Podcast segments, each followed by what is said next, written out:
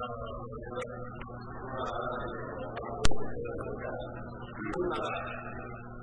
سمعنا جميعا هذه الندوة المباركة التي تولاها ظاهر قضية الشيخ عبد الرحمن بن عبد الله الوراث وبحيث محمد المطلق وهي تتعلق بالبدع وبالاخص بدعة. الاحتفال بالاسراء والمعراج وببدعة الاحتفال بالمولد النبوي. ويعم الكلام جميع البدع. فإن الاعتبار بالعموم في النصوص وما يتعلق بالمعنى العام لا بخصوص الأسباب. وقد أجاد وبين حكم البدع وشرها وعواقبها الرحيمة جزاه الله خيرا وزادهما وإيانا وإياكم علما وهدى وتوفيقا. وبارك فيهما جميعا.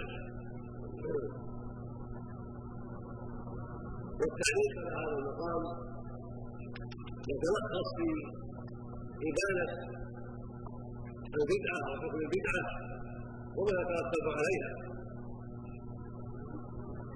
قد دل الكتاب العزيز وهو القرآن والسنة المطهرة.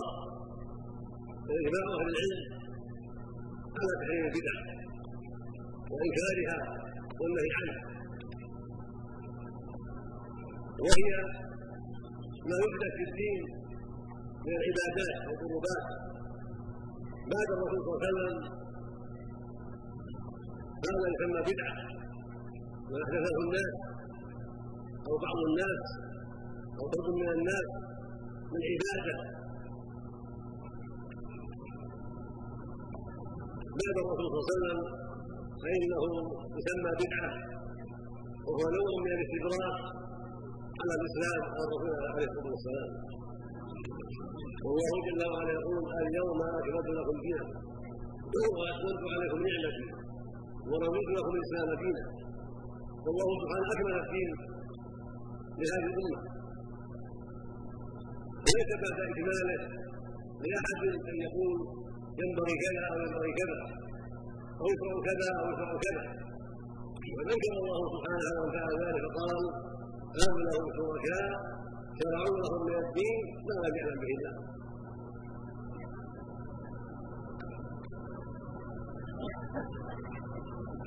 وبعد إكماله سبحانه وتعالى لنا ديننا لا يجوز لأحد أن يبتدع ويخترع عبادة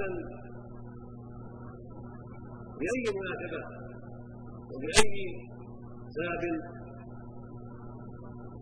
يخترعها من أجله يرى أنها دين وأنها قربة وأنها من كمال هذا الدين لأنه استدراك على رسول الله عليه الصلاة والسلام بل استدراك على الله عز وجل لأنه سبحانه أكمل هذا الدين وأنكر على من شرع في الدين لا يعلم به الله الاحتراع للبدع والدعوة إليها وإظهارها في الناس بعد الرسول صلى الله عليه وسلم يعتبر استدراكا على الله واستدراكا على رسوله عليه الصلاه والسلام وفي المعنى كأنه يقول إن ما كان عليه الرسول صلى الله عليه وسلم ناقص وأنا أكمله بهذه البدعة وبما اخترعته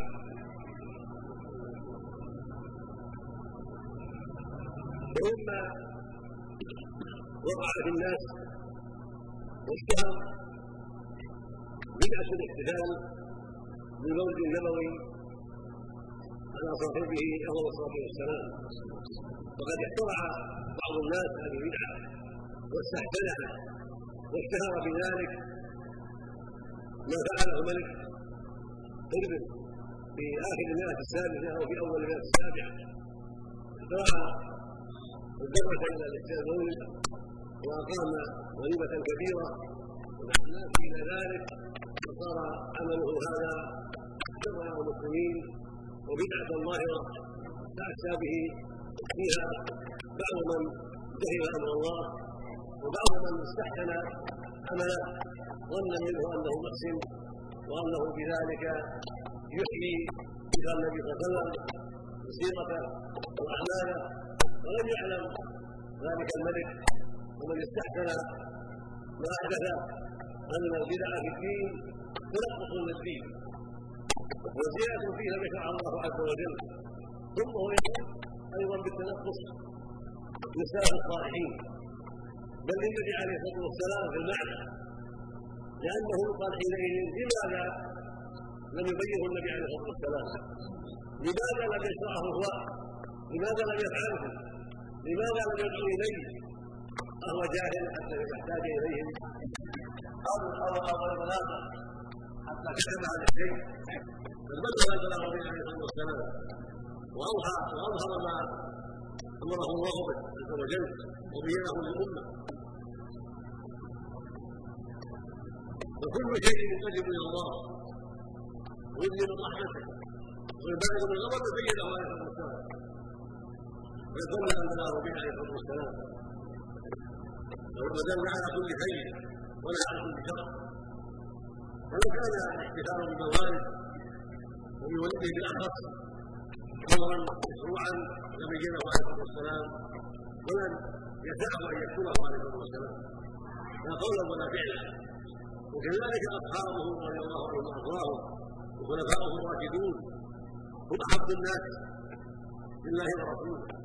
هم اكبر الناس ايمانا واكبر الناس علما وأشد رغبه في الحق. ولو كان الاحتفال بالمولد امرا مشروعا لبادروا اليه ولا فعلوا ولا دعوا ولا دعوا إليه. وهكذا التابعون لهم بإحسان في اخر القرن الأول والقرن الثاني وهكذا من بعدهم القرن الثالث لم يفعلوا هذا ولم يدعوا إليه. فلما تركوه دل ذلك على أن فعله بدعه لأن تركه تشريع كما ان فعلهم تشريع وكل شيء وجدت أسبابه. ولم يفعلوا في عهدهم دل على أنه لا يشرع عنده وكما أن فعله صلى الله عليه وسلم حجة وهكذا. فعل الخلفاء الراشدين هكذا الشرع ما تركوه مما وجد اسبابه يعتبر أيضا فعله بدعة. وهكذا الاحتفال بذلك الاسراء والمعراج التي يفعلها الذي يفعله بعض الناس في السابع والعشرين من رجب من الشهر ليس له اصل ولم تحفظ هذه الليلة بل الناس ولا يعلم أنها برجب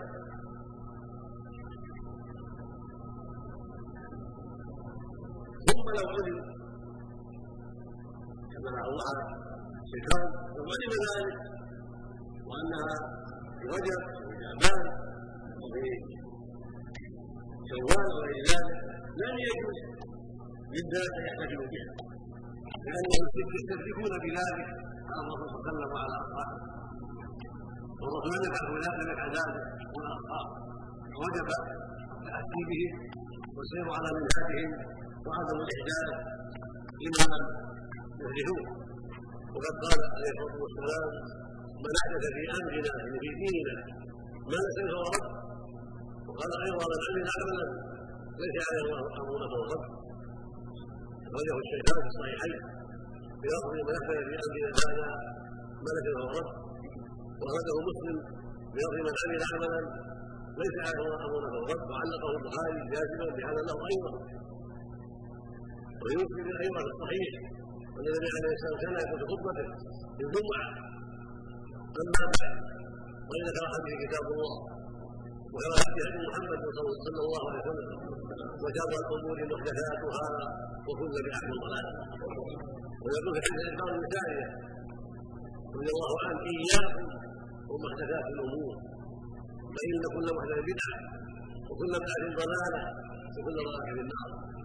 هذه الاحاديث الصحيحه تبين لنا قبح البدع وخطرها وان عواقبها وخيمه وما ذاك الا لانها تسبب الزياده في الدين هذا يحدث وهذا يحدث وهذا يحدث حتى يكون ديننا مجموعة مما ابتدعه الناس وأدخله الناس فيه وكل اليهود والنصارى ببدع حتى أدخلوا في دينهم ما لم يرد به الله وحتى ثبت عليهم دينهم فكان حقه بباطله بسبب ما أدخلوا فيه من البدع والمحدثات ووجب على هذه الأمة أن تحذر ما فعله اليهود والنصارى وأن تبتعد عن التشبه بهم في حياتهم وفي كل شيء. أما من قسم البدع إلى أقسام خمسة فلا اصل لها التقسيم. كما نبه عليه جماعة من العلماء هو تقسيم باطل وتقسيم لا وجه له. بل اعتراض على الرسول صلى الله عليه وسلم واستدراك عليه وهو يقول صلى الله عليه وسلم كل بدعه ضلاله وياتي اخر ويقول كل بدعه هي تقسيم هي تقسيم كان الرسول صلى الله عليه وسلم لا يعرف هذا التقسيم ولا يدريه والحكم حكما جازما عاما فقال كل بدعة ضلالة وقال كل بدعة وكل بدعة ضلالة وقال وشر الأمور محدثاتها وكل بدعة ضلالة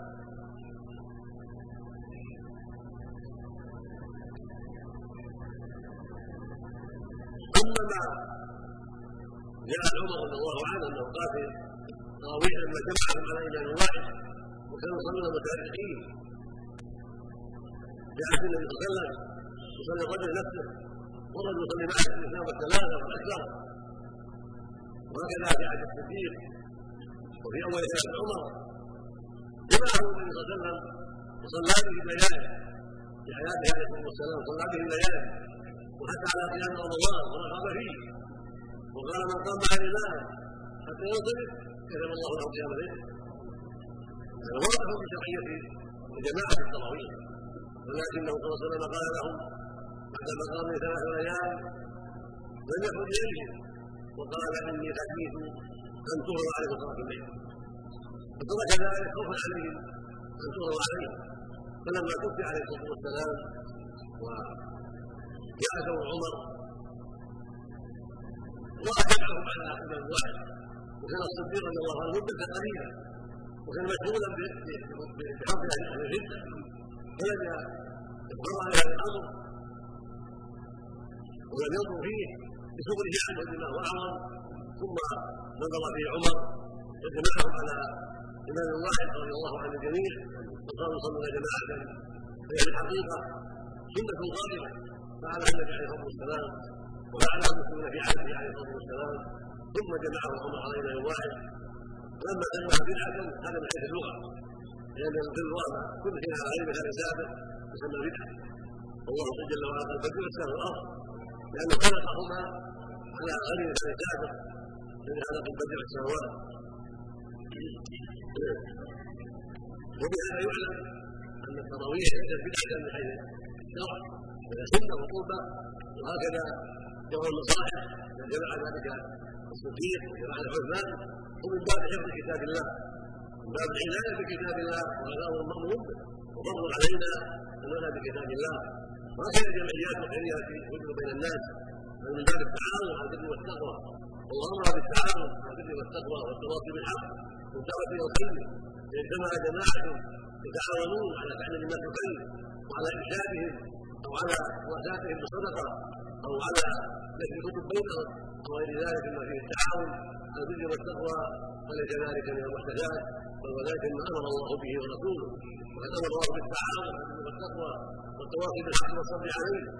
أما حديث جرير رضي الله عنه النبي عليه الصلاة والسلام قال من في الاسلام سنة حسنة قال معناه احياؤها واظهارها وليس معناه الاحداث في الدين يجمع أهل العلم معنى ذلك اظهار السنن واحياؤها بين الناس قال ما ليس يكون حسنا لأن النبي قال بحسن عن عبد المال لما حث النبي صلى الله عليه وسلم على الصدقه لما راى الناس الفقراء قالوا ورقم الناس عليه الصلاه والسلام وحث على الصدقه فجاء بعض الانصار بصره من الفضه كانت تعجز عنها فلما الناس قال من سن في الاسلام احد حثهم بهذا على على اظهار السنن فان الصدقات أمر معلوم من الشرع وليس من البدع.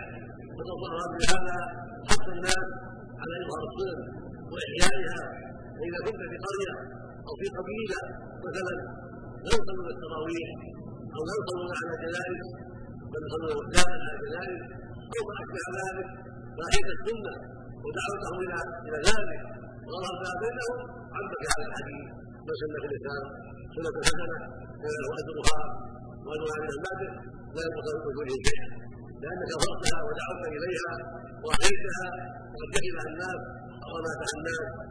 وهكذا إذا كنت في قرية ليس عندك أمر ولا عنده غفله فقلت بالمعروف والنهي عن المنكر وكونت جماعة يكون بهذا الأمر وقد عليك السنة.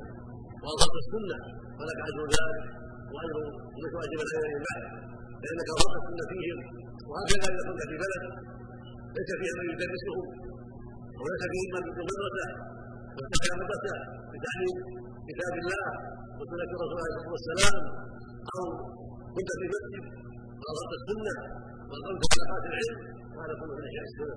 ومن على السنن وما اشبه ذلك من اظهار الحق والدعوة إليه وليس هذا من باب في شك وفق الله جميعا وغيره ورزقنا وإياكم العلم النافع والامر الصالح ومنعنا من الفقه الدين نساله سبحانه يصلح أحوال المسلمين في كل مكان. وان يعلمهم ما ينفعهم وان يعينهم من البدع وأن يصلح خالقهم ولاة امورهم ويفقههم في الدين وان يعينهم على تحكيم شريعه الله والتحاكم إليها والدعوة إليها والحذر مما خالفها إنه سبحانه وتعالى سميع قريب. وصلى الله وسلم على نبينا محمد وعلى آله وأصحابه وأتباعه بإحسان.